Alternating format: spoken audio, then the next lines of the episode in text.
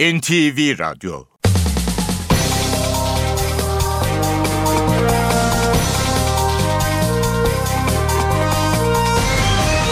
İşe Giderken Mutlu sabahlar. Ben Aynur Altunkaş. Bugün 11 Nisan Cuma.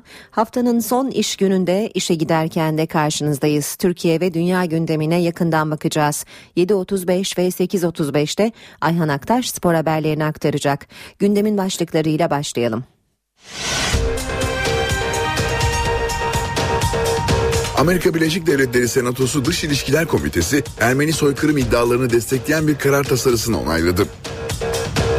Somali'deki Türk Büyükelçiliği inşaatına düzenlenen saldırıda yaralanan işçiler ambulans uçakla Türkiye'ye getirildi. Emniyet Genel Müdür Yardımcılığına Merkez Emniyet Müdürü Necat Özdemir atandı. Aydın, Hakkari ve Tunceli Emniyet Müdürleri görevden alındı. CHP lideri Kemal Kılıçdaroğlu'na yapılan saldırının ardından ortaya çıkan yeni görüntülerde saldırganla tokalaştığı görünen kişinin MHP'nin Elmadağ Belediye Başkan adayı Aytaç Özel olduğu ortaya çıktı. Kırklareli ve Manisa'da Gezi Parkı olaylarıyla ilgili yargılanan toplam 256 kişi beraat etti. Et ürünlerine sıkı takip geliyor. Ambalajlarda yazılan %100 ifadesi kullanılmayacak. Kasaplarda sucuk, pastırma, sosis gibi ürünler üretilemeyecek. İşe giderken gazetelerin gündemi.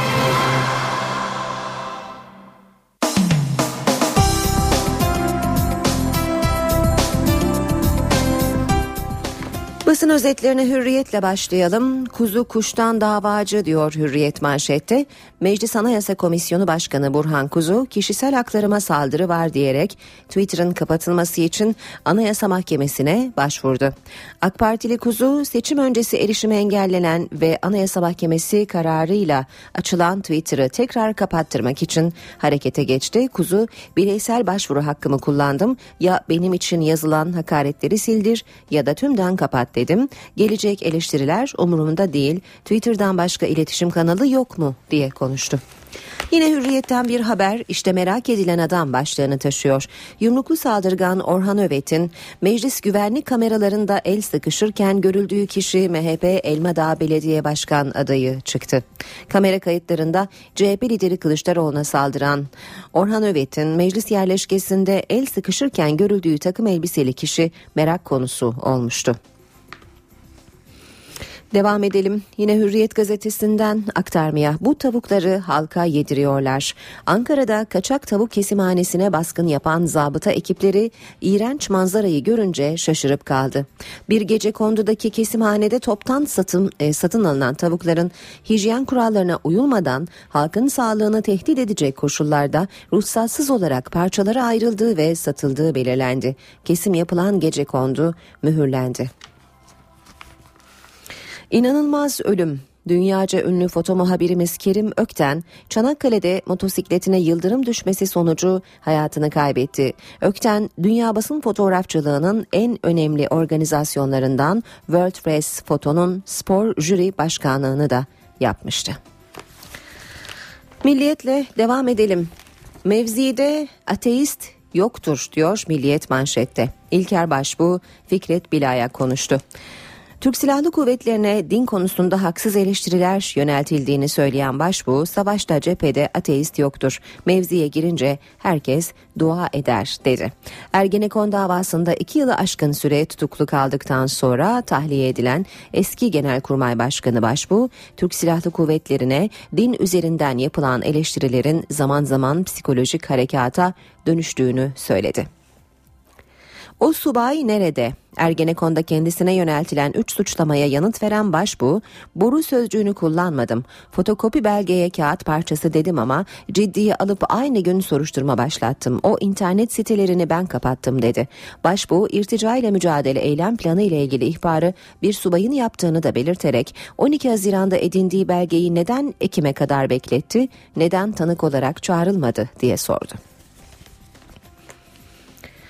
Hürriyetle benzer bir başlık milliyette kuzu kuşun peşine düştü. Meclis Anayasa Komisyonu Başkanı Burhan Kuzu'nun Twitter'dan kendisine hakaret edildiği gerekçesiyle Anayasa Mahkemesi'ne yaptığı bireysel başvurunun haberi benzer başlıkta verilmiş Milliyet gazetesinde. CHP beyaz not kağıdı peşinde. CHP mecliste Kılıçdaroğlu'nu yumruklayan Orhan Öğün'ün güvenlik kontrolünden geçtikten sonra bir polis memuruna gösterdiği notun peşine düştü. CHP'li yetkililer belli ki o kağıt kendisine bir adres ya da ismi bulması için verilmiş dedi. Bu arada Meclis Başkanı Çiçek'in düzenlediği ve gerginliğin damga vurduğu güvenlik toplantısından nihai önlemlere ilişkin bir karar çıkmadı. Köşk görüşmesi Nisan sonunda Cumhurbaşkanı Gül ile Başbakan Erdoğan haftalık görüşmelerini dün Çankaya Köşkü'nde yaptı. 1 saat 10 dakika süren görüşmede Cumhurbaşkanı seçimi için ortak bir karar almaya yönelik değerlendirme yapılmadı.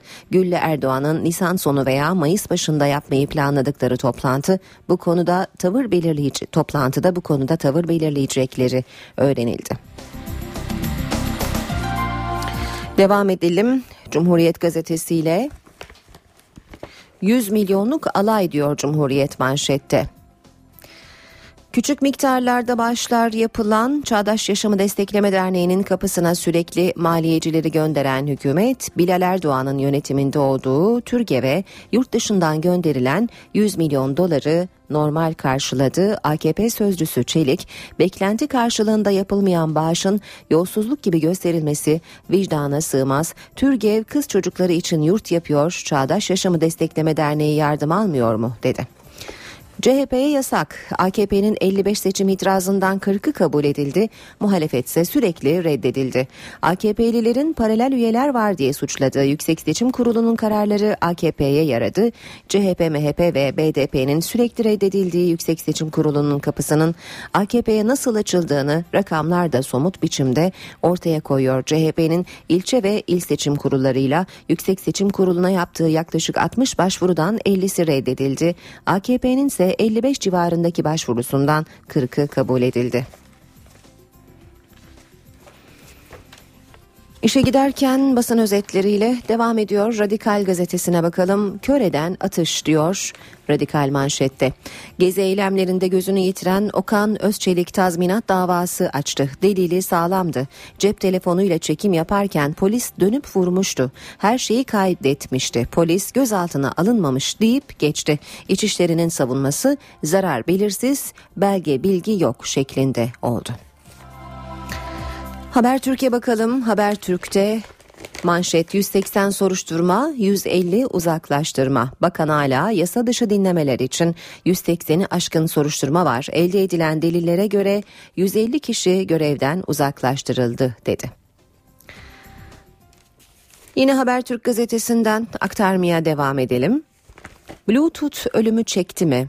Ünlü foto muhabiri Kerim Şevket Ökten motosikletle Bozcaada'ya gidiyordu. Çanakkale'de kaskı takılı olan Ökten'e Bluetooth kulaklığının etkisiyle yıldırım isabet ettiği öne sürüldü. Kulaktan kasığına kadar yanan Ökten hayatını kaybetti.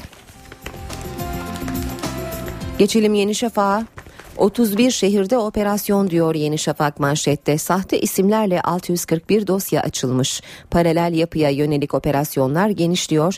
İlk tespitlere göre 31 il ve ilçede çok sayıda bürokrat ve askeri yetkili dinlendi. Güvenlik kaynakları Kırklareli, Erzincan, Mersin, Konya ve Trabzon'da düğmeye basılacağı sinyalini verdi. Star gazetesi kulak temizliği demiş manşette devletin kılcal damarlarına sızan paralel örgüte yönelik tasfiye operasyonu sürüyor. Telekulak çetesiyle ilgili soruşturma sayısı 180'i aşarken yasa dışı dinleme yapan 150 kişinin görevden uzaklaştırıldığı ifade ediliyor haberin ayrıntılarında.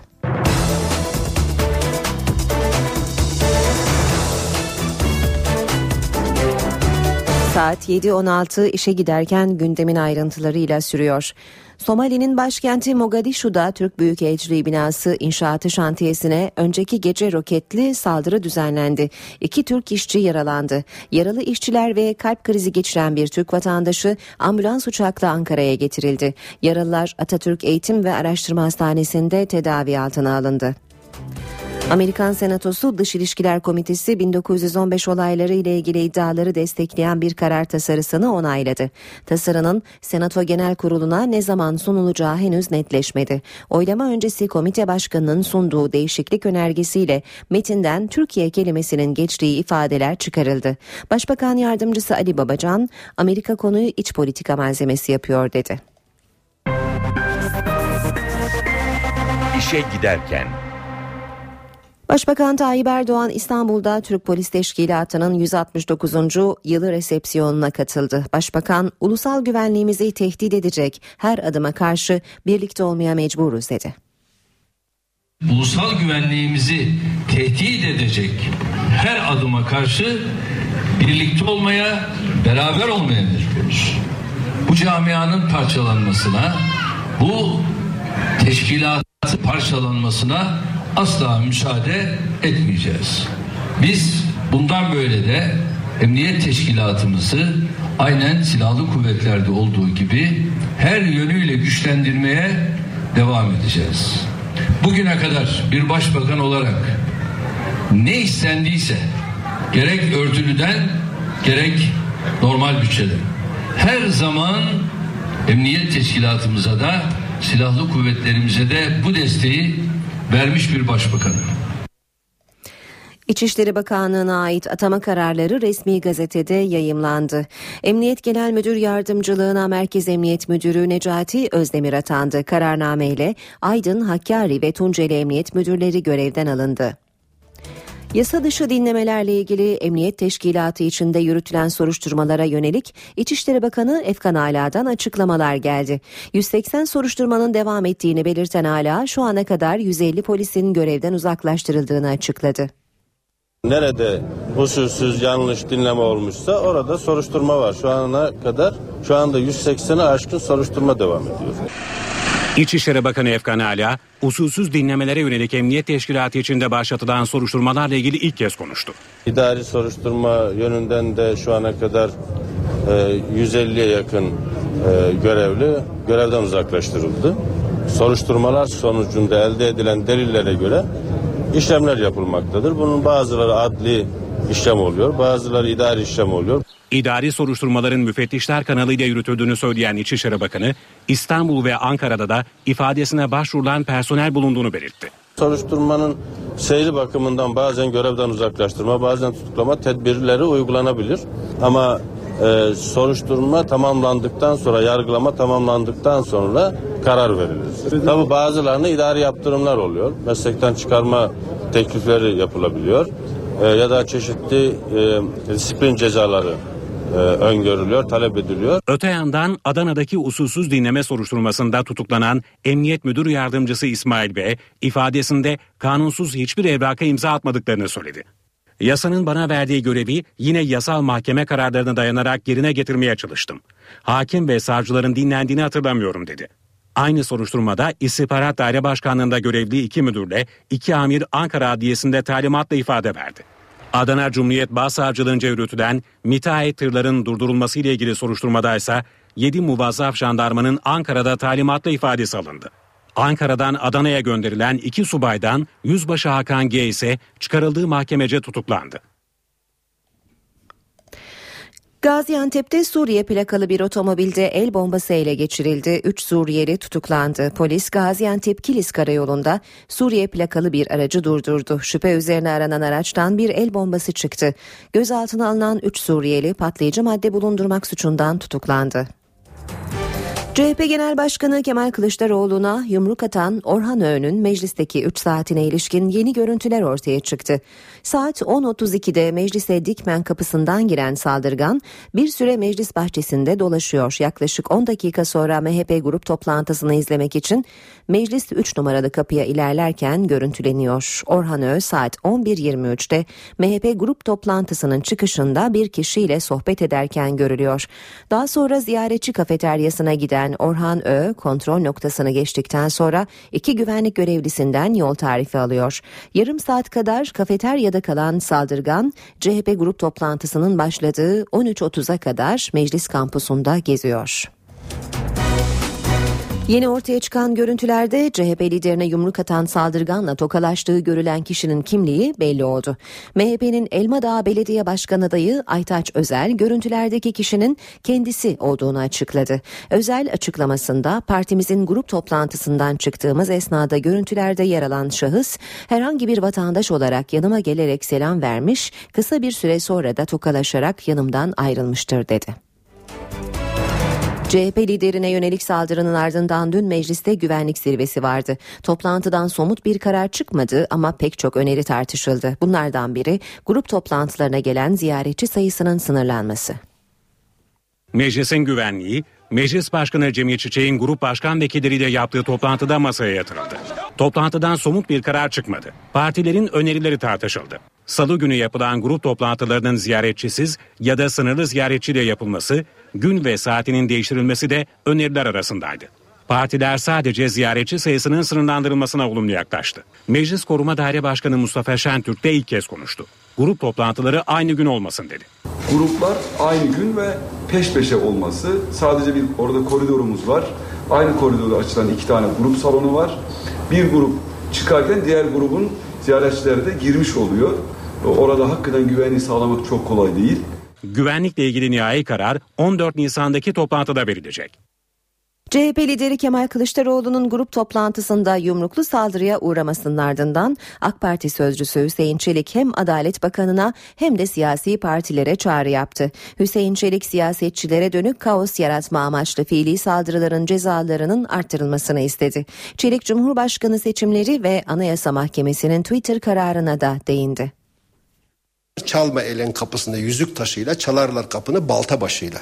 Bugün sana yarın bana biz hep birlikte pislikler karşısında set oluşturmak zorundayız. CHP lideri Kemal Kılıçdaroğlu'na yönelik saldırı AK Parti sözcüsü Hüseyin Çelik'in de gündemindeydi. Çelik, saldırgana denetimli serbestlik cezası verilmesi konusunda bir çağrıda bulundu.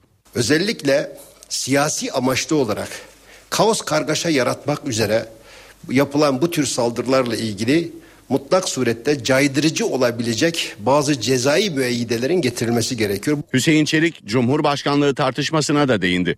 MHP lideri Devlet Bahçeli'yi eleştirdi. Çok önemli iki şahsiyetin Cumhurbaşkanlığı seçimi üzerinde konuşmasını yadırgayan, bunu anormal gören Sayın Bahçeli tek başına Başbakanın kesinlikle Cumhurbaşkanı olamayacağına karar veriyor.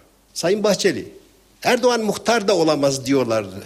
Hüseyin Çelik, Anayasa Mahkemesi'nin Twitter'a erişim yasağını kaldıran kararına da tepki gösterdi. Üç kişinin hesabını kapatma yetkisi Twitter'ın elindedir. Twitter bunu yapsa zaten böyle bir şey uygulanmayacak. Ama bizim elimizde değil arkadaşlar. Meclis Anayasa Komisyonu Başkanı Burhan Kuzu, kişilik hakları zedelendiği gerekçesiyle Twitter'a erişimin engellenmesini talep etti. Burhan Kuzu, Anayasa Mahkemesi'ne bireysel başvuruda bulundu. Ee, Haziran 2013'te Twitter üzerinden e, burada okuyamayacağım basına çok ağır bir hakaret var. Size karşı? Şahsımla alakalı yazılmış.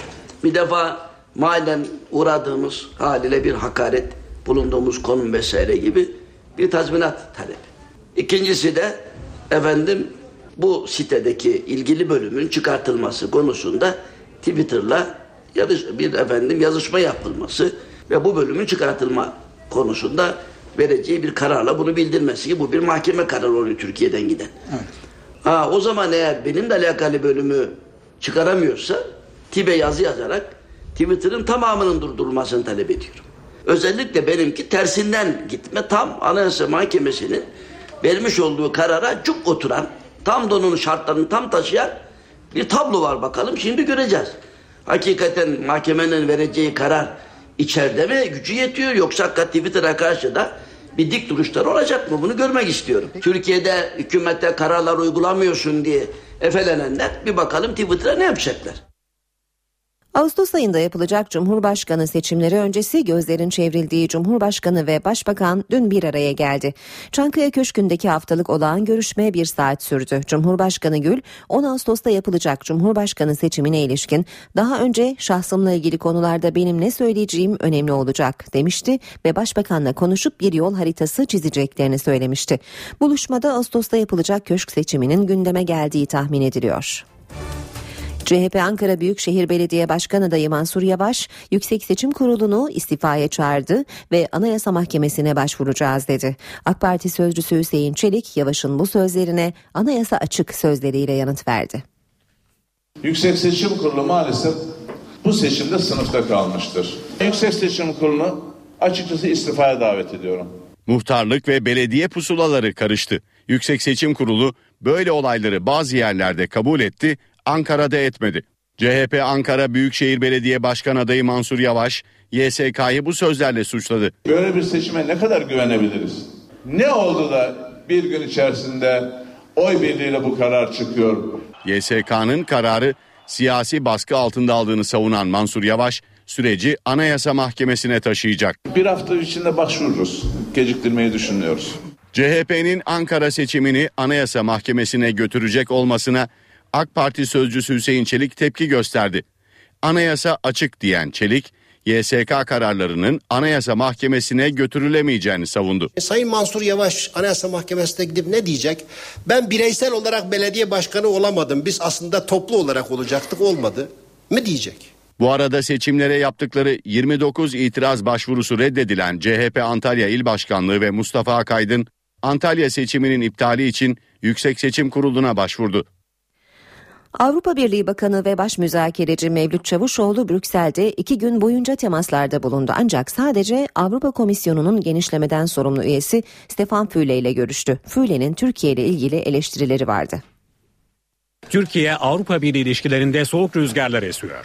Brüksel'de iki gün boyunca temaslarda bulunan Avrupa Birliği Bakanı ve Baş Müzakereci Mevlüt Çavuşoğlu'na Avrupa Komisyonu Başkan Yardımcısı Vivian Reding randevu vermedi. Ama niye vermedi, niye e, görüşmedi onu kendisine sormak lazım ve bu Avrupa e, Kom- Birliği Komisyonu'nun eğer istemediyse gerçekten e, yapıcı bir yaklaşımı değildir. Onun sorumlusu da biz değildir. Yani... Türkiye Avrupa Birliği Karma Parlamento Komisyonu toplantısında da Türkiye'ye eleştiriler vardı. Avrupa Komisyonu'nun genişlemeden sorumlu üyesi Stefan Füle, son 3 ayda yaşanan olayların Türkiye'nin Avrupa değerlerine bağlılığı konusunda şüphelere yol açtığını belirtti. Füle, HSYK'nın yapısında değişiklikler ve internet erişimiyle ilgili düzenlemeleri içeren yasaya dikkat çekti. Komisyonun genişlemeden sorumlu üyesi, ifade özgürlüğü alanında yeni internet yasasının Telekomünikasyon İletişim Başkanlığı'na keyfi yetkiler vermesinden üzüntü duyduğunu vurguladı. Toplantıda ayrıca komisyonun İngiliz liberal üyesi Andrew Duff, Çavuşoğlu'nun kendisini paralelci olmakla suçladığını belirterek özür beklediğini söyledi. olarak Andrew Duff'ın sorusuna cevap vermek istiyorum. Sevgili dostum, sizinle uzun zamandır tanışıyoruz. Benim böyle bir söylem içinde bulunmayacağımı prensip olarak bilmeniz lazım. Ama size bunu böyle ileten insanlar size yalan söylemişler. UNESCO Dünya Basın Özgürlüğü ödülüne ilk kez bir Türk gazeteci layık görüldü. Gazeteci Ahmet Şık prestijli ödülün 2014'teki sahibi oldu. UNESCO'dan yapılan açıklamada 44 yaşındaki Ahmet Şık'ın kariyerini insan hakları ihlalleri ve yolsuzluğa karşı adamış, basın özgürlüğünün savunucusu olan bir isim olduğu vurgulandı. Şık ödülünü 2 Mayıs'ta Fransa'nın başkenti Paris'te alacak. Kırklareli ve Manisa'da Gezi Parkı olayları ile ilgili yargılanan toplam 256 kişi beraat etti. Manisa 3. Asliye Ceza Mahkemesi'ndeki duruşmaya 50 sanıkla avukatları katıldı. Mahkeme eylemlerde suç unsuru herhangi bir hareket bulunmadığı gerekçesiyle 183 sanığın beraatine karar verdi. Kırklareli'deki davada yargılanan 73 kişi için de beraat kararı çıktı. Yargıtay 9. Ceza Dairesi Uğur Mumcu, Bahriye Üçok ve Ahmet Taner Kışlalı'nın öldürülmesi olaylarının da aralarında bulunduğu çok sayıda olayı kapsayan Umut Operasyonu'na ilişkin davada 8 sanık hakkında verilen mahkumiyet kararını onadı. Sanık avukatları ve davaya müdahil olan Nilüfer Kışlalı ile kızı Nilhan Kışlalı davayı temiz etmişti. 14 yıl önce başlayan Umut Operasyonu davasında çıkan karar iki kez Yargıtayca bozulmuştu. Amerika Birleşik Devletleri Senatosu Dış İlişkiler Komitesi Ermeni soykırım iddialarını destekleyen bir karar tasarısını onayladı. Somali'deki Türk Büyükelçiliği inşaatına düzenlenen saldırıda yaralanan işçiler ambulans uçakla Türkiye'ye getirildi. Emniyet Genel Müdür Yardımcılığına Merkez Emniyet Müdürü Necat Özdemir atandı. Aydın, Hakkari ve Tunceli Emniyet Müdürleri görevden alındı. CHP lideri Kemal Kılıçdaroğlu'na yapılan saldırının ardından ortaya çıkan yeni görüntülerde saldırganla tokalaştığı görünen kişinin MHP'nin Elmadağ Belediye Başkan adayı Aytaç Özel olduğu ortaya çıktı. Kırklareli ve Manisa'da Gezi Parkı olaylarıyla ilgili yargılanan toplam 256 kişi beraat etti. Et ürünlerine sıkı takip geliyor. Ambalajlarda yazılan %100 ifadesi kullanılmayacak. Kasaplarda sucuk, pastırma, sosis gibi ürünler üretilemeyecek. Bir sırada spor haberleri var. Spor gündeminin ayrıntılarını aktarmak üzere Ayhan Aktaş yanımızda. Ayhan günaydın söz sende. Günaydın Aynur teşekkür ederim.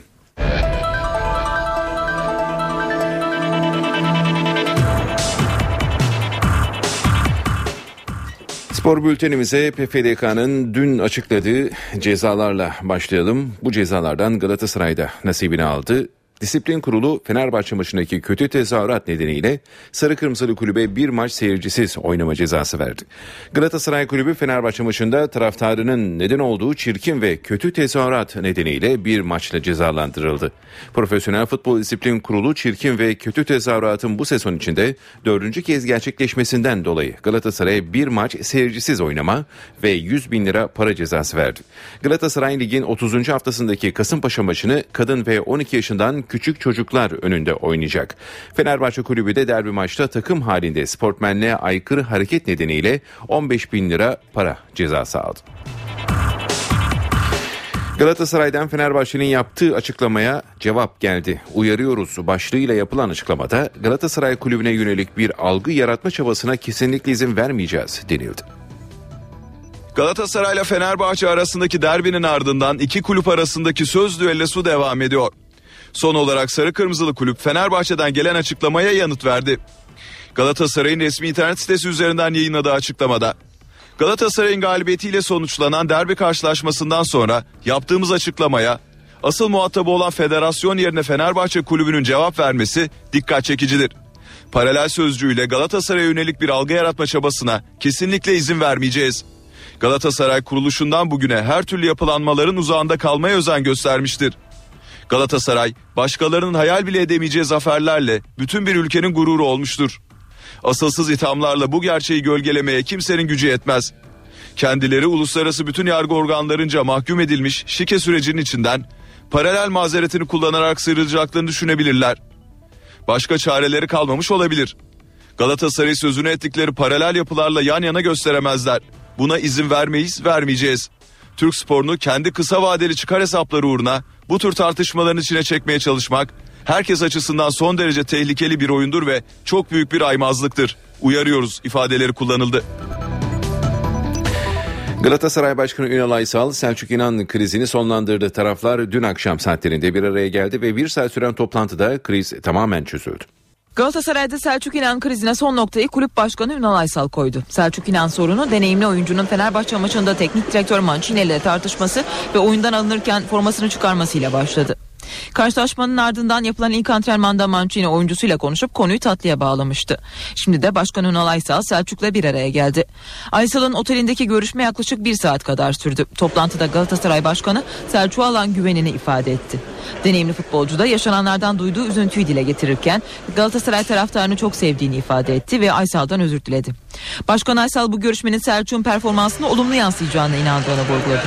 Son haftalarda morali bozuk olan Selçuk'un toplantıdan mutlu bir şekilde ayrıldığı da ifade edildi.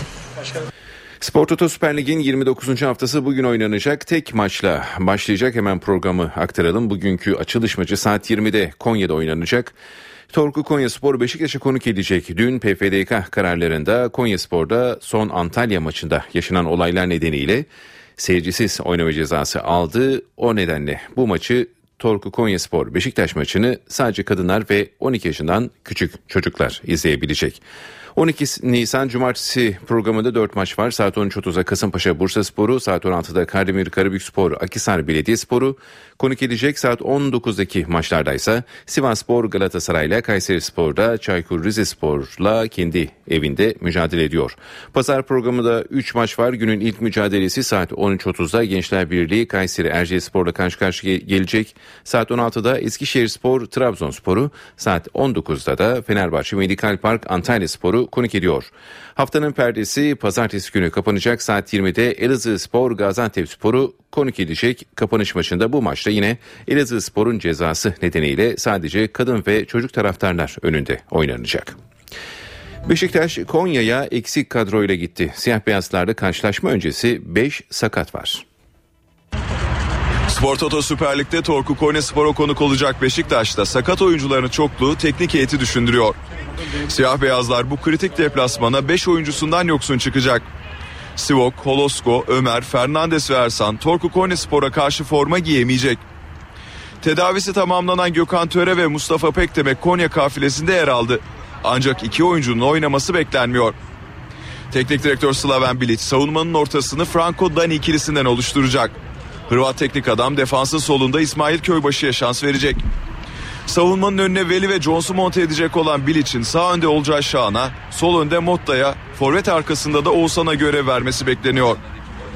Beşiktaş'ta Fenerbahçe derbisi öncesinde 4 oyuncu kart sınırında bulunuyor. Siyah beyazlarda Franco, Veli, Olcay ve Jones, Torku Konyaspor maçında sarı kart görürse gelecek hafta derbide forma giyemeyecek. Ersun Yanal Felipe Melo'yu sert dille eleştirdi. Deneyimli teknik adam böyle çirkin ortamı yaratanların futboldan temizlenmesi gerek derken derbi yenilgisinden kendini sorumlu tutan Emre Belözoğlu camiadan özür diledi. Fenerbahçe Teknik Direktörü Ersun Yanal derbide yaşanan gerginliklerin sorumlusu olarak Felipe Melo'yu gösterdi. Futbolun keyifli bir oyun olduğunu ifade eden Ersun Yanal, bir futbolcunun kirlettiği ortam yüzünden derbinin güzel havasının bozulmaması lazım. Böyle çirkin ortamı yaratanların futboldan temizlenmesi gerek. Futbol kazanırsa herkes kazanır diye konuştu. Futbolcularından övgüyle bahseden deneyimli teknik adam şampiyonluk için ciddiyeti elden bırakmayacaklarını söyledi. Yanal, oyuncularımın durumu ortada. Liderlik ve oynanan futbol herkes tarafından görülüyor. Rakibimizin durumuna ve kim olduğuna bakmadan kazanacağız. Altı eksik olması önemli değil. Kim görev yaparsa yapsın kazanacağız. Görevde olduğum 8 aylık süreçte sürekli gelişiyoruz. Fenerbahçe çok karakterli ve kaliteli oyunculardan kurulu bir takım diye konuştu. Kaptan Emre Belözoğlu ise Galatasaray derbisinde kaybedilen 3 puanın sorumluluğunu üzerine aldığını söyledi. Camiadan özür dileyen milli futbolcu, takımımı kesinlikle yalnız bırakmamalıydım. Ortamın durumu ve karşıdaki rakibin niyeti ne olursa olsun atılmamam gerekiyordu. Biz de geçmişte hatalar yaptık ama bu kadarının karşımıza çıkacağını tahmin etmemiştik diye konuştu. Fenerbahçe'de uzun yıllar oynadıktan sonra Antalya Spor'a transfer olan Semih Şentürk'ün hafta sonu eski takımına karşı forma giyip giymeyeceği tartışma konu, konusu oldu. Antalya Spor Başkanı Gültekin Gencer, golcü oyuncu ile ilgili son durumu NTV Spor'a anlattı. Fenerbahçe Medical Park Antalya Spor maçı öncesi Semih Şentürk'ün eski takımına karşı oynayıp oynayamayacağı merak konusu. Fenerbahçe kulübünün Semih'in sözleşmesini feshederken eski takımına karşı oynamayacağına dair madde koydurduğu ifade edildi. Buna karşın iki kulüp arasında bir anlaşma yok. Medical Park Antalya Spor yönetimi kararı teknik heyete bırakmış durumda. NTV Spor'a konuşan Başkan Gültekin Gencer, Semih'in geçen haftadan bir sakatlığı vardı. Sağlık ekibimizin raporu önemli. Bu rapor doğrultusunda teknik heyetimiz Semih'i oynatmak isterse kaptanımız pazar günkü Fenerbahçe maçında sahaya çıkar ifadelerini kullandı. Başkan Gencer Fenerbahçe taraftarının da Semih'i sahada görmek isteyeceği görüşünde. Gencer Fenerbahçe'ye yıllarca emek vermiş kaptanlarını yine başka bir takımın kaptanı olarak izlemek isteyeceklerdir. Sevgi gösterisine bulunacaklardır diye konuştu.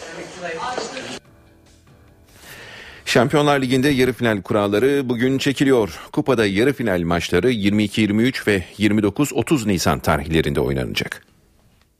Devler Ligi'nde Nyon'da çekilecek yarı final kurasına son şampiyon Bayern Münih'in yanı sıra Real Madrid, Atletico Madrid ve Chelsea katılacak. Kura çekiminde herhangi bir sınırlama olmayacak. Bir başka deyişle aynı ülkeden iki takım yani Atletico Madrid ile Real Madrid birbirleriyle eşleşebilir. Bununla birlikte olası yarı final eşleşmeleri birbirinden ilginç hikayeleri içinde barındırıyor. Bayern Münih'in Chelsea ile eşleşmesi halinde 2012 finalinde karşılaşan iki ekip ekip bir kez daha kozlarını paylaşmış olacak. Bayern ile Chelsea geçtiğimiz yıl Avrupa'da kupa kazanan takımlar olarak sezon öncesi Süper Kupa maçında karşı karşıya gelmişti. Bu eşleşmenin gerçekleşmesi halinde Pep Guardiola ile Jose Mourinho bir kez daha birbirlerine rakip olacak.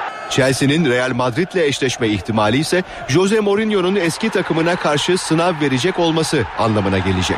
Kupa 1'in en başarılı takımlarından Real Madrid'le Bayern Münih'in yarı finalde eşleşmesi halinde ise Avrupa'nın dev takımlarından biri Lizbon'daki finalde olamayacak. 40 yıl sonra ilk kez Kupa 1'de yarı finale yükselen Atletico Madrid ise 1974'teki finalde Bayern Münih'e yenilmiş ve kupayı rakibine kaptırmıştı. Şampiyonlar Ligi yarı finalinde Atletico Madrid Bayern Münih'le eşleşirse İspanyol ekibi bu maça 40 yıl öncesinin rövanşı gözüyle yaklaşabilir. Atletico Real Madrid eşleşmesi halinde ise futbol severleri tansiyonu yüksek bir Madrid derbisi bekleyecek. Hemen belirtelim UEFA Avrupa Ligi'nde de yarı final maçlarının kuralları bugün çekilecek. Kur'an çekimle Sevilla, Juventus, Benfica ve Valencia katılacak. Yarı finalde ilk karşılaşmalar 24 Nisan, rövanş maçları ise 1 Mayıs'ta oynanacak. Kur'an çekim saat 13, 13'te başlayacak. Türkiye Futbol Direktörü Fatih Terim'in 2016 Avrupa Şampiyonası için iddialı konuştu. Milli takımın iyi yolda olduğunu belirten Terim büyük başarılara yelken açtıklarını söyledi. Türkiye Futbol Direktörü ve Milli Futbol Takımı Teknik Direktörü Fatih Terim Beyoğlu'nda bulunan özel bir spor firmasının halı saha liginin tanıtım toplantısına katıldı. Fatih Terim'e vatandaşlar yoğun ilgi gösterdi. Milli takımın iyi yolda olduğunu belirten Fatih Terim 2016 Avrupa Şampiyonası eleme grubu maçları için iddialı konuştu. İnşallah Fransa'da hep beraber olacağız. Buna yürekten inanıyoruz. Milli takımımız iyi yoldadır. Hep beraber o seyahati yapacağız. Milli takımı herkes, bu ülkenin takımı bu ülkeyle beraber büyük başarıları yelken açtı gidiyor bence. Terim Türkiye genelinde genç ve gelecek vadeden oyuncuları yakından takip ettiklerini sözlerine ekledi.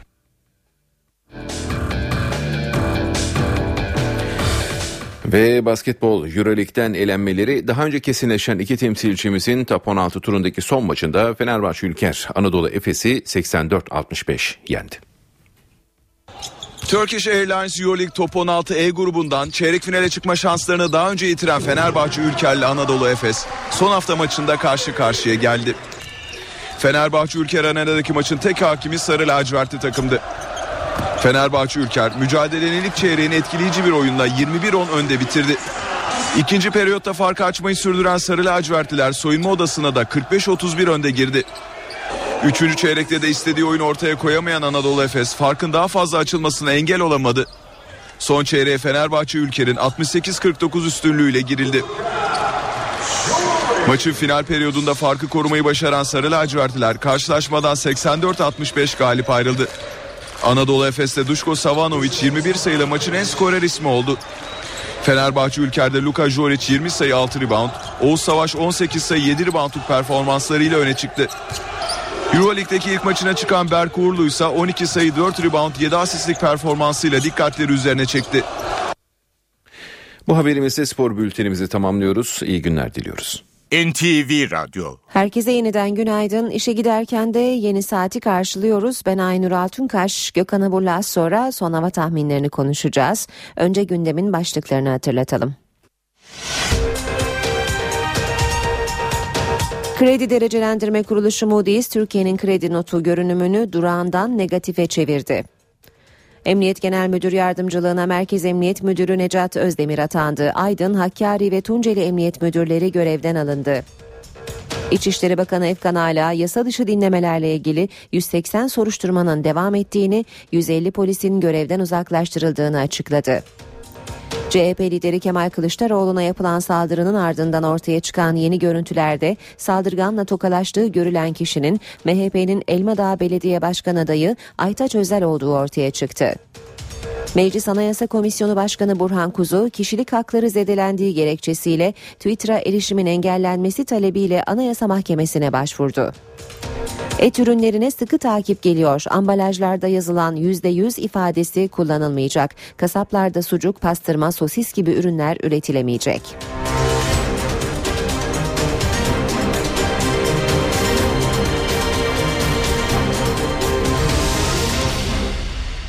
Gökhan Abur'la beraberiz. Merhaba Sayın Abur. Merhaba günaydın. Yurdun pek çok yerinde yağış var. İstanbul'da da gece kuvvetli yağıyordu. E, hafta sonu da geldi. Nasıl bir hafta sonu bizi bekliyor? Evet dün e, öğleden sonra Trakya'da başlayan daha sonra giderek etkisini arttıran e, sağanaklar vardı. Bu sağanaklar İzmir'de çok kuvvetli yağmıştı. Aynı şekilde gök gürültülü sağanaklar şeklinde olan bu sistem e, maalesef e, çok ünlü bir foto muhabiri arkadaşımızın hayatını kaybetmesine Evet. sebep oldu. E, yağışlar şu anda e, Trakya'da hafif olarak devam ediyor. E, İzmir'in özellikle doğu ilçelerinde aralıklara devam ediyor. Aydın Muğla arasında kuvvetli yağış geçişleri var. Çanakkale'de aralıklı yağışlar devam ediyor. Çorlu'da, Balıkesir'de, Bilecik'te, Bodrum'da, Bursa'da, Manisa'da, Muğla'da yağışlar aralıklara devam ediyor. Doğuda şu anda yağış yok. Bugün için yağışlar ara, ara verdi. Ee, bu yağışların ilerleyen saatlerde biraz daha doğuya doğru kaymasını bekliyoruz. Yarın da yağış var. İstanbul'da şu anda hafiflemiş olan yağış aralıklarla çisenti şeklinde gün boyu devam edecek. Ama öncelikle öğleden sonra Avrupa yakasında akşam saatlerinde de Anadolu yakasında etkisini kaybetmesini bekliyoruz. Yarın sabah saatlerinde çok hafif yağış geçişleri ve İstanbul'un kuzey ve doğu ilçelerinde görülebilir. Ama daha sonraki saatlerde yarın hava açacak. Fakat Yağış ve kuzeyli rüzgarlarla birlikte sıcaklıklar bir hayli azaldı. Düne göre sıcaklık bugün 5-6 derece birden azaldı İstanbul'da. Şu anda 11 derece Poyraz 7 kilometre hızla esiyor. Bugün için beklediğimiz en yüksek sıcaklık 15 dereceler civarında olacak. İzmir'de ise dün gece çok kuvvetli yağan yağış şu anda biraz hafifledi. Hatta yer yer yağış kesildi. Çok bulutlu bir hava var. Karayel 15 kilometre hızla esmeye devam ediyor. Yağışın e, ilerleyen saatlerde hafiflemesini bekliyoruz ve giderek etkisini kaybedecek. Ankara'da ise şu anda hava 5 derece parçalı bulutlu bir hava var. E, e, karayel 8 kilometre hızla esiyor. Bugün Ankara'da sıcaklıkların 18-19'lara kadar çıkmasını bekliyoruz. Birkaç derecelik azalış var. Ama ilerleyen saatlerde özellikle öğleden sonra Ankara'nın kuzey ilçelerinde Ankara Eskişehir arasında da hafif de olsa bir sağanak yağmur geçişi görülecek. Evet yağışlar aralıklarla etkisini bugün de sürdürmeye devam ediyor. Yarın Ege'de ve Akdeniz'de yağış etkisini kaybederken iç kesimlerde özellikle Marmara'da ve yer yer aralıklarla devam etmesini bekliyoruz. Ege'nin iç kesimlerinde yarın için yağış var. Pazar günü ise batıda yağış etkisini giderek kaybedecek. Ve bu kez doğuda ara veren yağışlar yeniden başlayacak. Pazar günü Ege'de sıcaklıklar birkaç derece yükselirken pazartesi gününe itibaren sıcaklıkların batı ve iç kesimlerde yeniden birkaç derece yükselmesini bekliyoruz. Evet hafta sonu daha serin geçecek gibi gözüküyor özellikle ülkenin batı ve iç kesimlerinde. Yağışlarsa biraz hafiflese de özellikle ülkenin kuzey kesimlerinde ve daha sonra pazar günde doğuda yeniden başlamış olacak. Evet bizleri bekleyen koşullar genelde böyle. Hocam e, sizi uğurlamadan şunu da soralım. Az önce siz de söylediniz.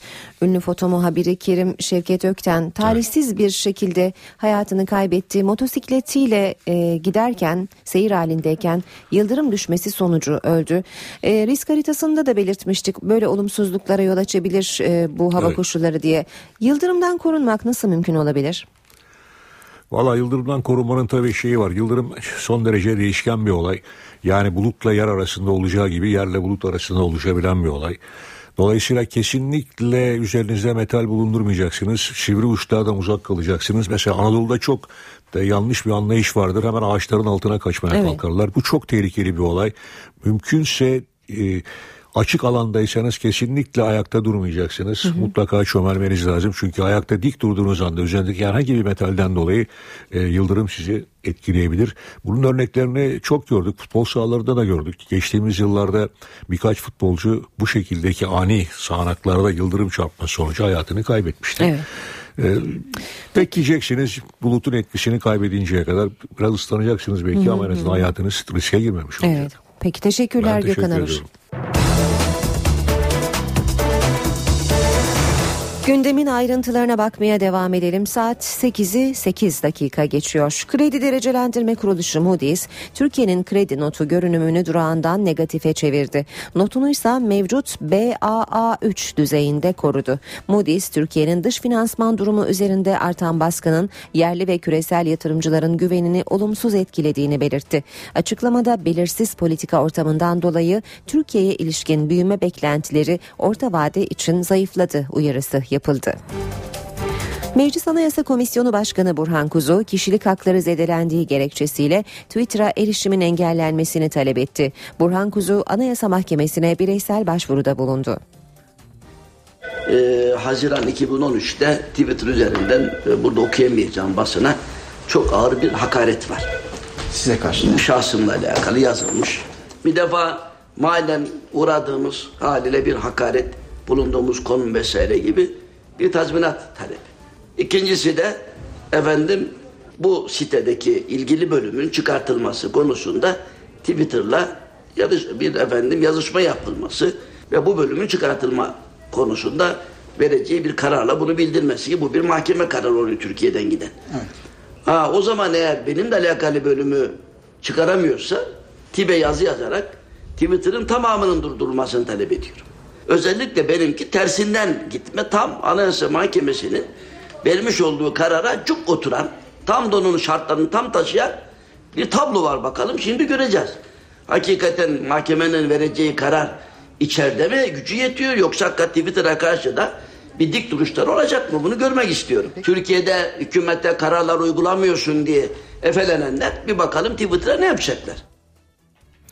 CHP Genel Başkanı Kemal Kılıçdaroğlu'na yumruk atan Orhan Öğün'ün meclisteki 3 saatine ilişkin yeni görüntüler ortaya çıktı. Saat 10.32'de meclise dikmen kapısından giren saldırgan bir süre meclis bahçesinde dolaşıyor. Yaklaşık 10 dakika sonra MHP grup toplantısını izlemek için meclis 3 numaralı kapıya ilerlerken görüntüleniyor. Orhan Öğün saat 11.23'te MHP grup toplantısının çıkışında bir kişiyle sohbet ederken görülüyor. Daha sonra ziyaretçi kafeteryasına giden Orhan Ö, kontrol noktasını geçtikten sonra iki güvenlik görevlisinden yol tarifi alıyor. Yarım saat kadar kafeteryada kalan saldırgan CHP grup toplantısının başladığı 13.30'a kadar meclis kampusunda geziyor. Yeni ortaya çıkan görüntülerde CHP liderine yumruk atan saldırganla tokalaştığı görülen kişinin kimliği belli oldu. MHP'nin Elmadağ Belediye Başkan adayı Aytaç Özel görüntülerdeki kişinin kendisi olduğunu açıkladı.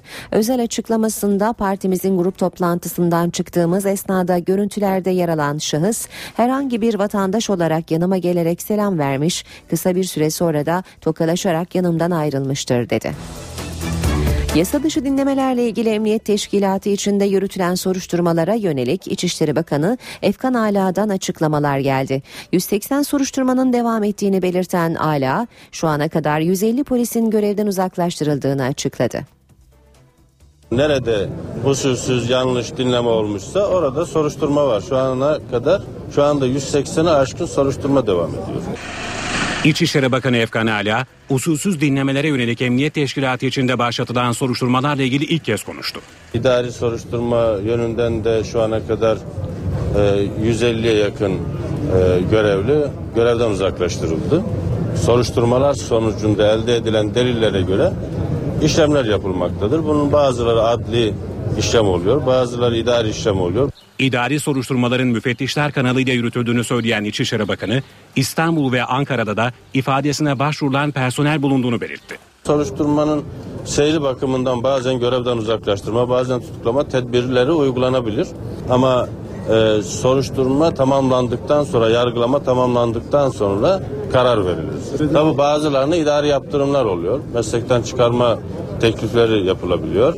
E, ya da çeşitli e, disiplin cezaları e, öngörülüyor, talep ediliyor. Öte yandan Adana'daki usulsüz dinleme soruşturmasında tutuklanan Emniyet Müdür Yardımcısı İsmail Bey ifadesinde kanunsuz hiçbir evraka imza atmadıklarını söyledi. Yasanın bana verdiği görevi yine yasal mahkeme kararlarına dayanarak yerine getirmeye çalıştım. Hakim ve savcıların dinlendiğini hatırlamıyorum dedi. Aynı soruşturmada İstihbarat Daire Başkanlığı'nda görevli iki müdürle iki amir Ankara Adliyesi'nde talimatla ifade verdi. Adana Cumhuriyet Başsavcılığınca yürütülen müteahhit tırların durdurulması ile ilgili soruşturmada ise 7 muvazzaf jandarmanın Ankara'da talimatla ifadesi alındı. Ankara'dan Adana'ya gönderilen iki subaydan Yüzbaşı Hakan G ise çıkarıldığı mahkemece tutuklandı. İşe giderken Kars'ta cinsel saldırı sonrası öldürülen 9 yaşındaki Mert Aydın'ın katili hala bulunamadı. Cinayetle ilgili bilgi ve belgeler Kriminal Daire Başkanlığı'na gönderildi. 5 kişilik özel ekibe 2 de MOBESE uzmanı katıldı. Esnaf kepenk kapattı. Olayı protesto eden kalabalık yürüdü. Kars'ta kaybolduktan sonra cesedi bulunan 9 yaşındaki Mert Aydın için protestolar sürüyor. Camide Mert için okutulan mevlitte toplanan kalabalık daha sonra çocuğun okuluna kadar yürüdü. Eylemlerde zaman zaman polisle karşı karşıya gelen kalabalığa belediye başkanı sağduyu çağrısı yaptı. Bu failin bir an yakalanabilmesi için bizler de onlara yardımcı olmak zorundayız. Olayla ilgili soruşturma yürüten 5 kişilik özel ekibe 2 mobese uzmanı da katıldı. Sadece o bölgedeki değil, bütün Kars'taki mobese kayıtları ekipler tarafından teker teker an an inceleniyor. Eşkale uyan şahsa ulaşabilmek adına. Bu delillerin bizi götürdüğü, götürdüğünü düşündüğümüz kişiler teker teker izlemeye alınır.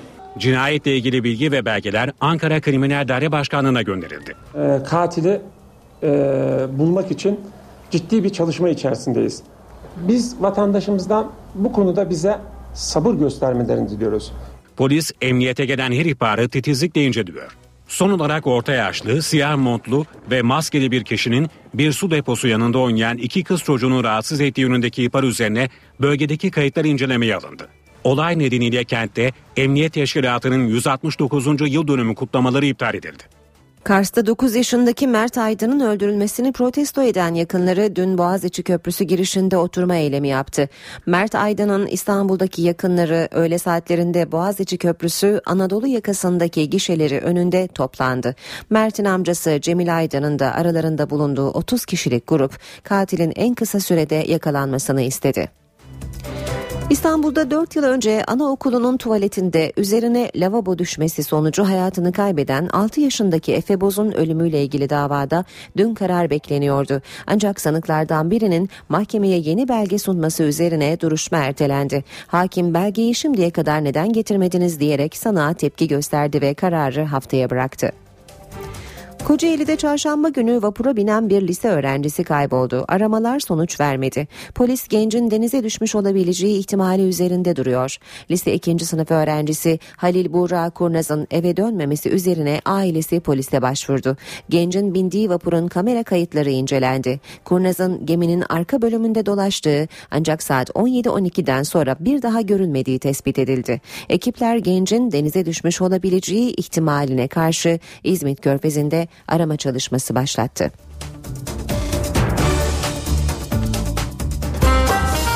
İşe giderken Somali'nin başkenti Mogadishu'da Türk Büyükelçiliği binası inşaatı şantiyesine önceki gece roketli saldırı düzenlendi. İki Türk işçi yaralandı. Yaralı işçiler ve kalp krizi geçiren bir Türk vatandaşı ambulans uçakla Ankara'ya getirildi. Yaralılar Atatürk Eğitim ve Araştırma Hastanesi'nde tedavi altına alındı. Amerikan Senatosu Dış İlişkiler Komitesi 1915 olayları ile ilgili iddiaları destekleyen bir karar tasarısını onayladı. Tasarının Senato Genel Kurulu'na ne zaman sunulacağı henüz netleşmedi. Oylama öncesi komite başkanının sunduğu değişiklik önergesiyle metinden Türkiye kelimesinin geçtiği ifadeler çıkarıldı. Başbakan yardımcısı Ali Babacan, Amerika konuyu iç politika malzemesi yapıyor dedi.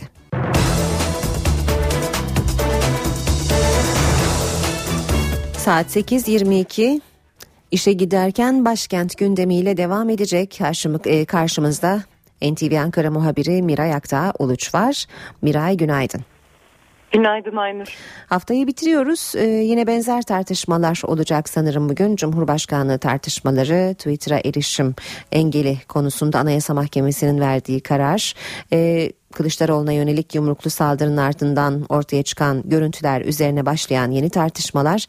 Ee, neler söyleyeceksin bize bugün? Haftanın son iş gününde başkent Ankara yine yoğun bir güne merhaba dedi ve bu söylediğim başlıklar Ankara'nın gündemindeki ilk sıralarında yerini korumaya devam edecek. Ankara'nın gündemini aktarmaya Cumhurbaşkanı Abdullah Gül'ün programıyla başlayalım. Cumhurbaşkanı Gül güne dikkat çekici bir spor etkinliğiyle başlıyor. 50. Cumhurbaşkanlığı Türkiye Bisiklet Turu etkinlikleri çerçevesinde Çankaya Köşkü'nde düzenlenecek bir organizasyon var. Cumhurbaşkanı Gül Çankaya Köşkü bahçesinde basın mensupları ile birlikte pedal çevirerek Cumhurbaşkanlığı Türkiye bisiklet turunun startını verecek. Basına açık bir etkinlik bu ve gazetecilerin soru alması durumunda Cumhurbaşkanına yöneltilecek ilk soru dün Başbakan Erdoğan'la yaptığı görüşme Çankaya Köşkü'nde yaklaşık bir saat süren bir görüşme yapmıştı ve o görüşmenin gündeminde Cumhurbaşkanlığı seçiminin de olduğu tahmin ediliyor. Ne Cumhurbaşkanı'ndan ne de Başbakan'dan görüşmeye ilişkin bir açıklama gelmemişti. O yüzden Cumhurbaşkanı'nın bu görüşmeye ilişkin yapacağı değerlendirmeler son derece önemli. Cumhurbaşkanı Abdullah Gül'ün bir başka programı daha var. Bugün bir kabulü var. Seçimlerden sonra Çankaya Belediye Başkanı Alper Taşdelen'i kabul edecek Çankaya Köşkü'nde ve e, kazanan bir belediye başkanı seçimlerden sonra ilk kez kabul ediyor Cumhurbaşkanı Gül. Ve bugün dün yapılan görüşmeye ilişkin açıklaması merakla beklenen bir diğer isim de Başbakan Recep Tayyip Erdoğan olacak. Başbakan Erdoğan bugün İstanbul'da Dolmabahçe'deki çalışma ofisinde önce TOB Başkanı Rıfat Sarcıklıoğlu'nu daha sonra Uluslararası Olimpiyat Komitesi Başkanı Thomas Bach'ı kabul edecek Başbakan Erdoğan ve akşam saatlerinde de Avukatlar Haftası'nın programına katılacak. Ana muhalefet cephesinde ise gözler yerel seçimlere yönelik itirazlarda Yüksek Seçim Kurulu'nun CHP'nin Ankara adayı Mansur Yavaş'ın seçimin iptaline ilişkin başvurusunu reddetmesinin ardından Cumhuriyet Halk Partisi Anayasa Mahkemesi'ne başvurmaya hazırlanıyor ve bununla ilgili bir aylık süresi var CHP'nin başvurunun yakın bir süre içerisinde gerçekleşmesini bekliyoruz. Ve CHP'nin bir başka başvurusu da Antalya'daki seçimin iptaliyle ilgiliydi. Buna ilişkin YSK'dan gelecek olan yanıtta merak konusu e, bu gelişmeyi de yakından takip ediyor olacağız. Cumhuriyet Halk Partisi Genel Başkanı Kemal Kılıçdaroğlu'na yönelik saldırının ardından dün yeni görüntüler ortaya çıkmıştı. Bu görüntülerde saldırganın bir kişiyle el sıkışıp sohbet ettiği görülüyordu. Aynı görüntülerde elinde kağıt veya telefon benzeri bir cisim olduğu da e, ifade edilmişti. O kişinin MHP'nin Elmadağ Belediye Başkan adayı Aytaç Özel olduğu ortaya çıktı. Ayrıca Cumhuriyet Halk Partisi e, kişinin polislere götürdüğü elindeki o beyaz kağıtla ilgili daha fazla araştırma yapılmasını da istiyor. CHP bu soruşturmanın daha fazla e, derinleştirilmesi gerektiği görüşünde e, bu saldırıya ilişkin gelişmeleri de bugün yakından takip etmeye devam edeceğiz. Ve Türkiye Büyük Millet Meclisi iktidarla muhalefeti karşı karşıya getiren Milli İstihbarat Teşkilatı'na yurt dışında operasyon yetkisi sağlayan yasadaki değişiklik teklifinin görüşmeleri e, salı gününe ertelendi. Ve bugün mecliste basın toplantıları var. Muhalefet milletvekillerinin basın toplantıları sırasında gündeme ilişkin değerlendirmelerde bulunmalarını da bekliyoruz. Başkent Ankara'nın gündeminden öne çıkan başlıklar bu şekilde. Söz yeniden sende Aynur. Miray teşekkürler kolay gelsin. İşe giderken Et ürünlerine sıkı takip geliyor. Artık ambalajlarda gördüğümüz %100 ifadesi kullanılmayacak. Ayrıca kasaplarda sucuk, pastırma, sosis gibi ürünler üretilemeyecek. Et Bir Yönetim Kurulu Başkanı Mustafa Balıkçı yeni düzenlemeyi anlattı. Et ürünlerinden %100 logosu kaldırılacak. Ambalajsız tavuk eti satılamayacak. Tarım Bakanlığı et ürünleriyle ilgili yeni bir taslak hazırlığında. Bunların hepsi tüketiciyi daha iyi korumak, tüketiciye daha sağlıklı ve hijyen ürünler üretmek amacıyla firmaları kontrol altına almak amacıyla yapılmış ürünler. Taslağa göre çiğ et ve kıyma gibi ürünlere et proteini katılamayacak. Düzenleme kasapları da yakından ilgilendiriyor. Artık kasaplarda sucuk, pastırma, sosis gibi ürünler üretilemeyecek. Sucuk, salam, sosis, pastırma, kavurma, jambon gibi ürünler artık kasaplar bunların üretimini yapamayacak. Çünkü bunların aynı ortamda olmaması gerekiyor. Ama bunu hani ayrı bir ortamda üretim yapıp ayrı bir ortamda da satış yapabiliyorsa kasaplar da yine bunu yapabilirler. Kasaplar bu değişikliğe tepkili. Müşterilerimize katkısız, kanserojen madde içermeyen koruyucu madde kullanmadığımız için köftemizde veya sucuğumuzdan rahatlıkla da yediriyoruz. Gerekirse hiç dükkanında sokmadan depodan kimisi ise evine götürürüz yani. Böyle bir şey yok yani. Onu satmayacak, bunu satmayacak. En iyisi kasaptan çıkar. Çünkü et işlemeyi bilen en iyi kasaptır. Tavuk etinin ambalajsız satışı da yasaklanacak. Bizim ürünlerimiz günlük gelir. Günlük geldiği biz de günlük tüketiriz. Ambalaja girdiği zaman ambalajda ürün hiçbir şekilde sağlıklı değil. Niye sağlıklı değil? Çünkü içerisi hava almıyor. Şimdi Profesör Doktor Güngör Uras'ı dinleyeceğiz. Ee, Profesör Uras bu sabah Ayşe teyze lüks tüketim harcamalarından bahsedecek. Ayşe teyze ne yapsın? Uras, Ayşe teyze ekonomide olan biteni anlatıyor. Merhaba sayın dinleyenler, merhaba Ayşe teyze, merhaba Ali Rıza Bey amca. Dünyada zenginlik artınca lüks harcamalar da artıyor. Lüks harcama demek harcamada aşırıya gitmek demektir. Kişi ve toplum için normal kabul edilen sınırı aşan harcamalara lüks harcama deniliyor. Lüks ülkeye ve kişiye göre değişen bir kavramdır. Alt gelir grubundaki bir kişi için örneğin köfteciye gitmek 25 lira harcamak lüks bir harcamadır. Ama üst gelir grubundaki bir kişi ise lokantada 250 lira ödese normal sayılabilir. Bir yabancı araştırma grubu dünyada lüks harcamalar raporu hazırlıyor. Bu rapora göre Türkiye'de önlerde gösteriliyor. Hele hele İstanbul dünyanın en lüks 550 şehri arasında 26. sırada. Lüks harcama artışında ise İstanbul 10. sıraya yerleşmiş. Londra'dan sonra geliyor, Paris'ten önce geliyor. Araştırma raporunda Paris'te üst gelir grubundakilerin sayılarının 450 bin olmasına karşın İstanbul'da 1 milyon 200 bin kişinin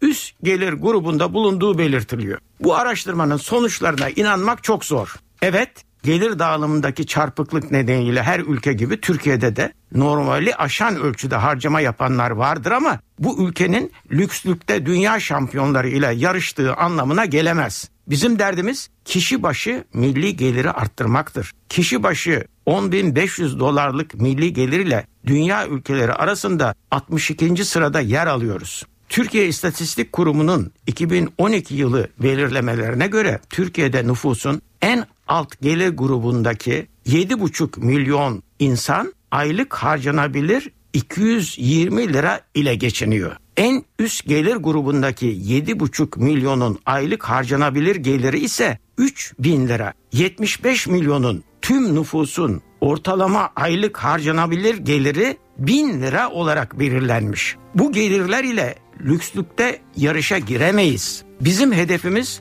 lüks yarışına girmek değil, ülkede insanlara daha çok iş, daha çok aş imkanı yaratacak yaşam seviyesine yükseltmektir. Bir başka söyleşi de birlikte olmak ümidiyle şen ve esen kalınız sayın dinleyenler. Güngör Uras'a sormak istediklerinizi ntvradio.ntv.com.tr adresine yazabilirsiniz.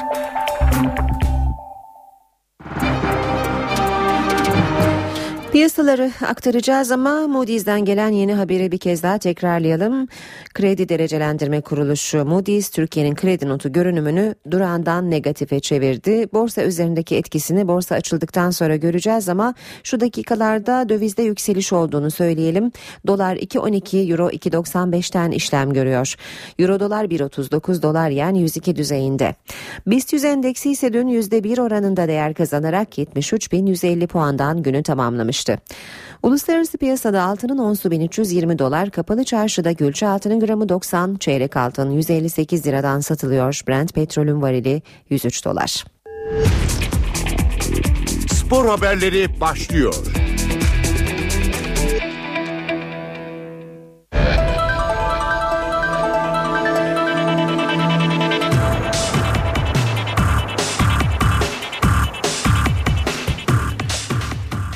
Günaydın ben Ayhan Aktaş. Spor gündeminden gelişmelerle birlikteyiz. Galatasaray ceza aldı. Disiplin kurulu Fırat nedeniyle Sarı Kırmızılı Kulübe bir maç seyircisiz oynama cezası verdi.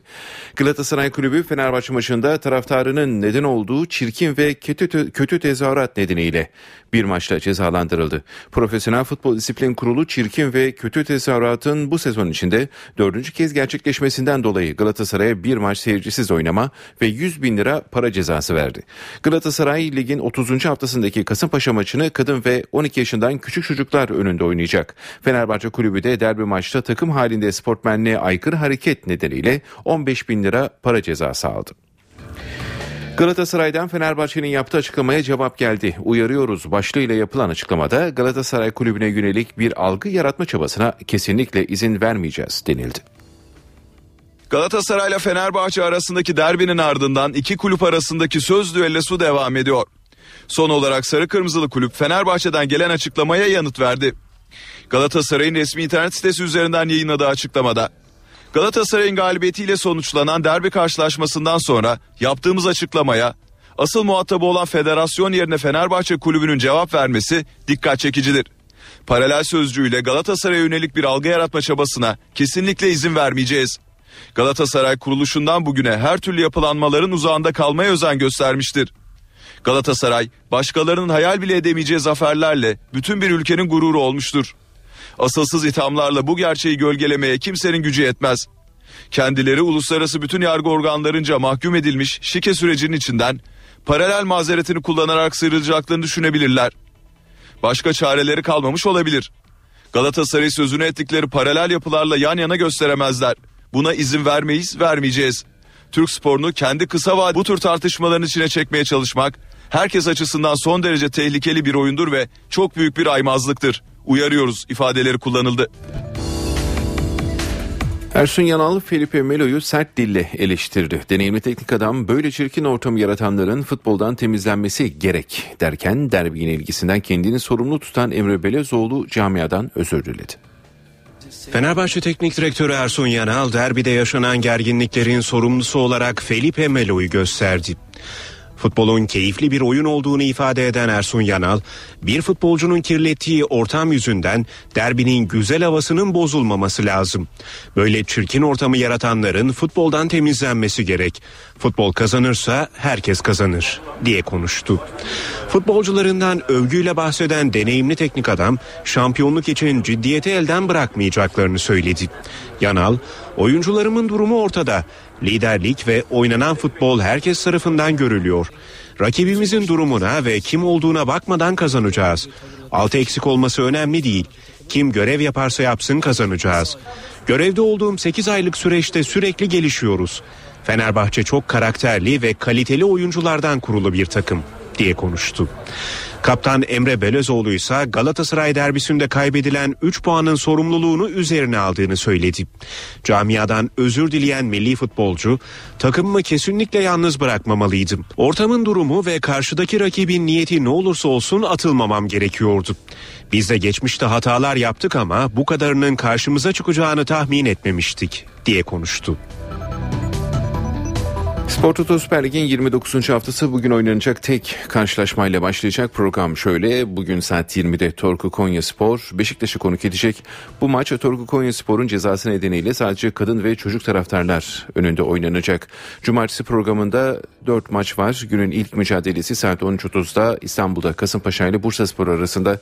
Ardından saat 16'da Kardemir Karabük Spor Akisar Belediye Spor'u konuk edecek. Saat 19'da ise Sivas Spor Galatasaray ile Kayseri Spor'a Çaykur Rize Spor'la kendi evlerinde karşı karşıya geliyor. Pazar programında ise 3 maç var. Saat 13.30'da Gençler Birliği Kayseri Erciyes Spor'la, saat 16'da Eskişehir Spor Trabzonspor'la, saat 19'da da Fenerbahçe Medikal Park Antalya Spor'la mücadele edecek. Haftanın perdesi Elazığ'da kapanacak. Saat 20'de başlayacak mücadele pazartesi günü Elazığ Spor'la Gaziantep Spor arasında oynanacak. Elazığ Spor'un cezası nedeniyle bu maçta yine sadece kadın ve çocuk taraftarlar önünde oynanacak. Beşiktaş Konya'ya eksik kadroyla gitti. Siyah beyazlarda karşılaşma öncesi 5 sakat var. Spor Toto Süper Lig'de Torku Konya Spor'a konuk olacak Beşiktaş'ta sakat oyuncularının çokluğu teknik heyeti düşündürüyor. Siyah beyazlar bu kritik deplasmana 5 oyuncusundan yoksun çıkacak. Sivok, Holosko, Ömer, Fernandes ve Ersan Torku Konya Spor'a karşı forma giyemeyecek. Tedavisi tamamlanan Gökhan Töre ve Mustafa Pekdemek Konya kafilesinde yer aldı. Ancak iki oyuncunun oynaması beklenmiyor. Teknik direktör Slaven Bilic savunmanın ortasını Franco Dani ikilisinden oluşturacak.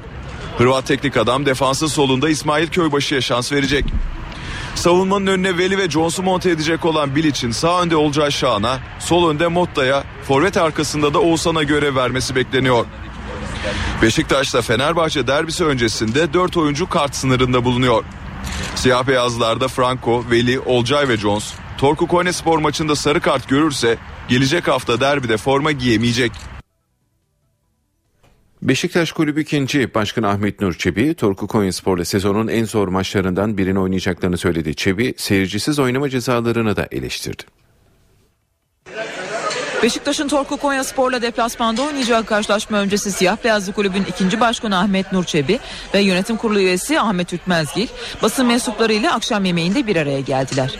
Basın mensuplarının sorularını yanıtlayan Çebi, Torku Konya Spor maçının sezonun en zor karşılaşmalarından biri olacağını söyledi. Beşiktaş tabii ki matematiksel olarak halen şansı olan şampiyonluğu ve ikinciliği kovalıyor. Konya Spor da haklı olarak aşağıdaki tehlikeli bölgelerden uzaklaşmak istiyor. Bu Galatasaray maçı içinde, e, Galatasaray'ın yarın yapacağı maç içinde geçerli. Fenerbahçe içinde geçerli. Hepsinin e, ligde kalabilme mücadelesi veren takımlarla maçları var. Ahmet Nurçebi ev sahibi takımın aldığı seyircisiz oynama cezası hakkında sorulan soruyu bu uygulamanın artık kalkması gerektiğini ifade ederek cevapladı. Bana göre bu saçma uygulamanın artık bir son bulması lazım.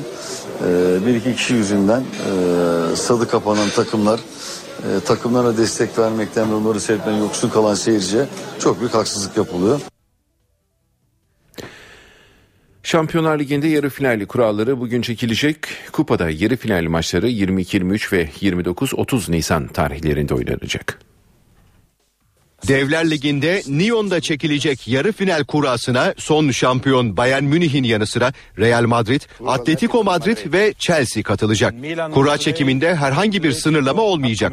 Bir başka deyişle aynı ülkeden iki takım yani Atletico Madrid ile Real Madrid birbirleriyle eşleşebilir. Bununla birlikte olası yarı final eşleşmeleri birbirinden ilginç hikayeleri içinde barındırıyor. Bayern Münih'in Chelsea ile eşleşmesi halinde 2012 finalinde karşılaşan iki ekip bir kez daha kozlarını paylaşmış olacak. Bayern ile Chelsea geçtiğimiz yıl Avrupa'da kupa kazanan takımlar olarak sezon öncesi Süper Kupa maçında karşı karşıya gelmişti. Bu eşleşmenin gerçekleşmesi halinde Pep Guardiola ile Jose Mourinho bir kez daha birbirlerine rakip olacak. Chelsea'nin Real Madrid ile eşleşme ihtimali ise Jose Mourinho'nun eski takımına karşı sınav verecek olması anlamına gelecek. Kupa 1'in en başarılı takımlarından Real Madrid ile Bayern Münih'in yarı finalde eşleşmesi halinde ise Avrupa'nın dev takımlarından biri Lizbon'daki finalde olamayacak. 40 yıl sonra ilk kez Kupa 1'de yarı finale yükselen Atletico Madrid ise 1974'teki finalde Bayern Münih'e yenilmiş ve kupayı rakibine kaptırmıştı. Şampiyonlar Ligi yarı finalinde Atletico Madrid Bayern Münih ile eşleşirse İspanyol ekibi bu maça 40 yıl öncesinin rövanşı gözüyle yaklaşabilir. Atletico Real Madrid eşleşmesi halinde ise futbol severleri tansiyonu yüksek bir Madrid derbisi bekleyecek. UEFA Avrupa Ligi'nde de yani Kupa 2'de de yarı final maçlarının kuralları bugün çekilecek. Kura çekimine Sevilla, Juventus, Benfica ve Valencia katılacak. Yarı finalde ilk karşılaşmalar 24 Nisan, rövanş maçları ise 1 Mayıs'ta oynanacak. Euroleague'den elenmeleri daha önce kesinleşen iki temsilcimizin top 16 turundaki son maçında Fenerbahçe Ülker Anadolu Efes'i 84-65 yendi. Turkish Airlines Euroleague Top 16 E grubundan çeyrek finale çıkma şanslarını daha önce yitiren Fenerbahçe Ülker'le Anadolu Efes son hafta maçında karşı karşıya geldi.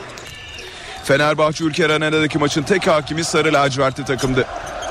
Fenerbahçe Ülker mücadelenin ilk çeyreğini etkileyici bir oyunla 21-10 önde bitirdi. İkinci periyotta farkı açmayı sürdüren Sarı Lacivertliler soyunma odasına da 45-31 önde girdi. Üçüncü çeyrekte de istediği oyunu ortaya koyamayan Anadolu Efes farkın daha fazla açılmasına engel olamadı. Son çeyreğe Fenerbahçe Ülker'in 68-49 üstünlüğüyle girildi. Maçın final periyodunda farkı korumayı başaran Sarı Lacivertliler karşılaşmadan 84-65 galip ayrıldı. Anadolu Efes'te Duşko Savanovic 21 sayıyla maçın en skorer ismi oldu. Fenerbahçe Ülker'de Luka Joric 20 sayı 6 rebound, Oğuz Savaş 18 sayı 7 reboundluk performanslarıyla öne çıktı. Euroleague'deki ilk maçına çıkan Berk Uğurlu ise 12 sayı 4 rebound 7 asistlik performansıyla dikkatleri üzerine çekti. Bu haberimizi bültenimizi tamamlıyoruz. İyi günler diliyoruz. NTV Radyo